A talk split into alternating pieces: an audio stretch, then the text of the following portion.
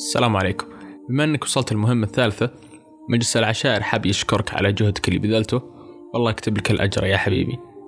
النقطة الثانية بما اني شخص سيء بالإلقاء قررت اني أقدم البودكاست لكن عن طريق ال roommate ي عزيز. لكن قبل ما أعطي المايك العزيز بعد ما تسمع البودكاست إن شاء الله راح يجيك form في سؤالين بسيطة يا ليت تشرفنا وتحلها.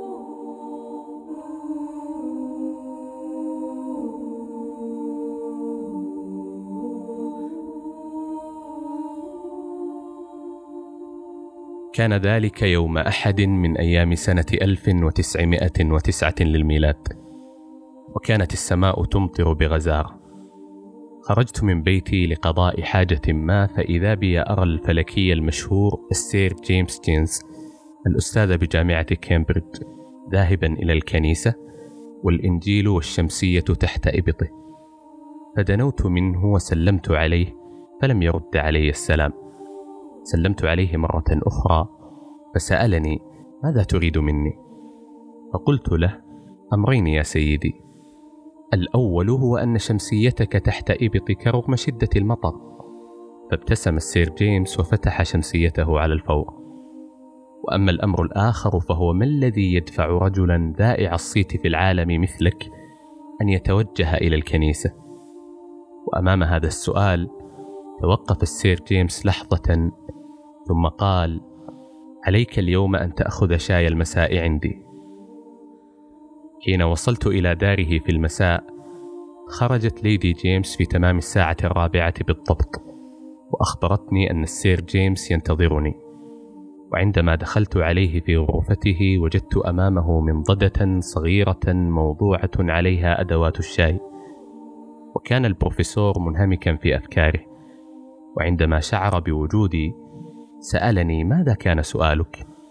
ودون أن ينتظر ردي بدأ يلقي محاضرة عن تكوين الأجرام السماوية ونظامها المدهش وأبعادها وفواصلها اللامتناهية وطرقها ومداراتها وجاذبيتها وطوفان أنوارها المذهلة حتى إنني شعرت بقلبي يهتز بهيبة الله أما السير جيمس فوجدت شعر رأسه قائما والدموع تنهمر من عينيه ويداه ترتعدان من خشية الله. وتوقف فجأة ثم بدأ يقول يا عناية الله عندما ألقي نظرة على روائع خلق الله يبدأ وجودي يرتعش من الجلال الإلهي. وعندما أركع أمام الله وأقول له إنك لعظيم أجد أن كل جزء من كياني يؤيدني في هذا الدعاء وأشعر بسكون وسعادة عظيمين.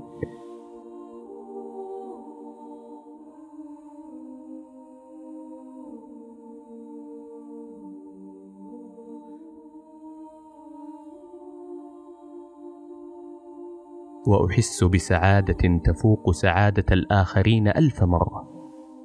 أفهمت يا عناية الله لماذا أذهب إلى الكنيسة؟ لقد أحدثت هذه المحاضرة طوفانا في عقلي. سكت برهة ثم قلت له يا سيدي لقد تأثرت جدا بالتفاصيل العلمية التي رويتها لي. تذكرت بهذه المناسبة آية من آي كتابي المقدس. فلو سمحت لي لقرأتها عليك. هز رأسه قائلا بكل سرور. فقرأت عليه الآية التالية. ومن الجبال جدد بيض وحمر مختلف ألوانها وغرابيب سود. ومن الناس والدواب والأنعام مختلف ألوانه. كذلك إنما يخشى الله من عباده العلماء. وصرخ السير جيمس قائلا ماذا قلت؟ إنما يخشى الله من عباده العلماء؟ مدهش وعجيب جدا إنه الأمر الذي كشفت عنه بعد دراسة ومشاهدة استمرت خمسين سنة من أنبأ محمدا به؟ هل هذه الآية موجودة في القرآن حقيقة؟ لو كان الأمر كذلك فاكتب شهادة مني أن القرآن كتاب موحى من عند الله ويستطرد السير جيمس جينز قائلا لقد كان محمد أميا ولا يمكنه أن يكشف عن هذا السر بنفسه. ولكن الله هو الذي أخبره بهذا السر. مدهش وغريب وعجيب جدا.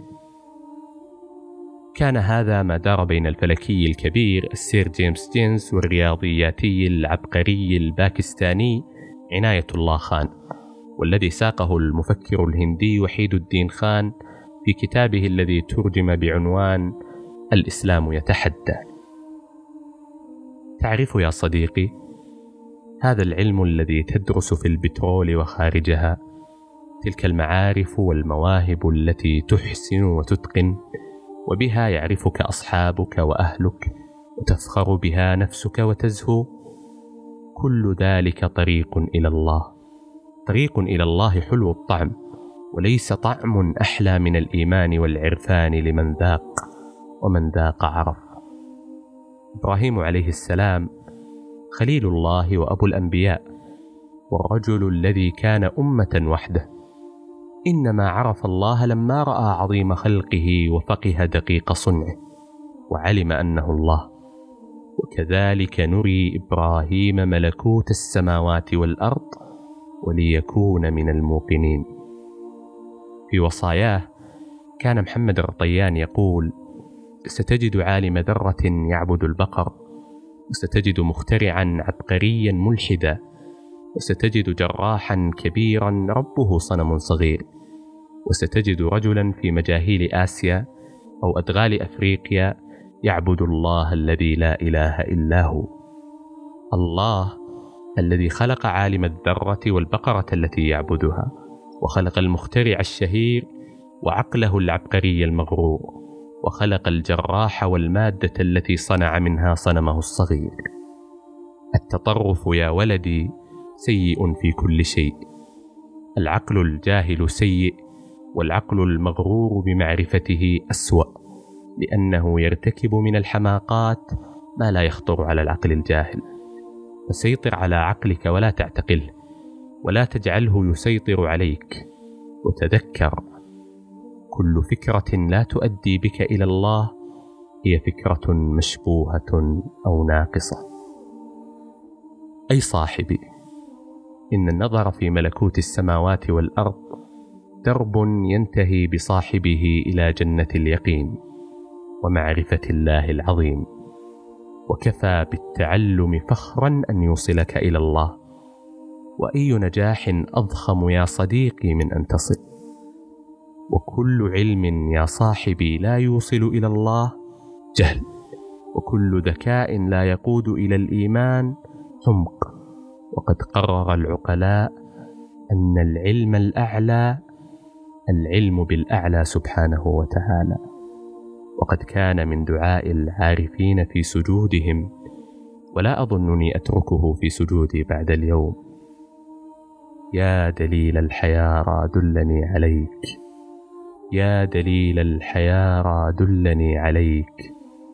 يا دليل الحيارى دلني عليك.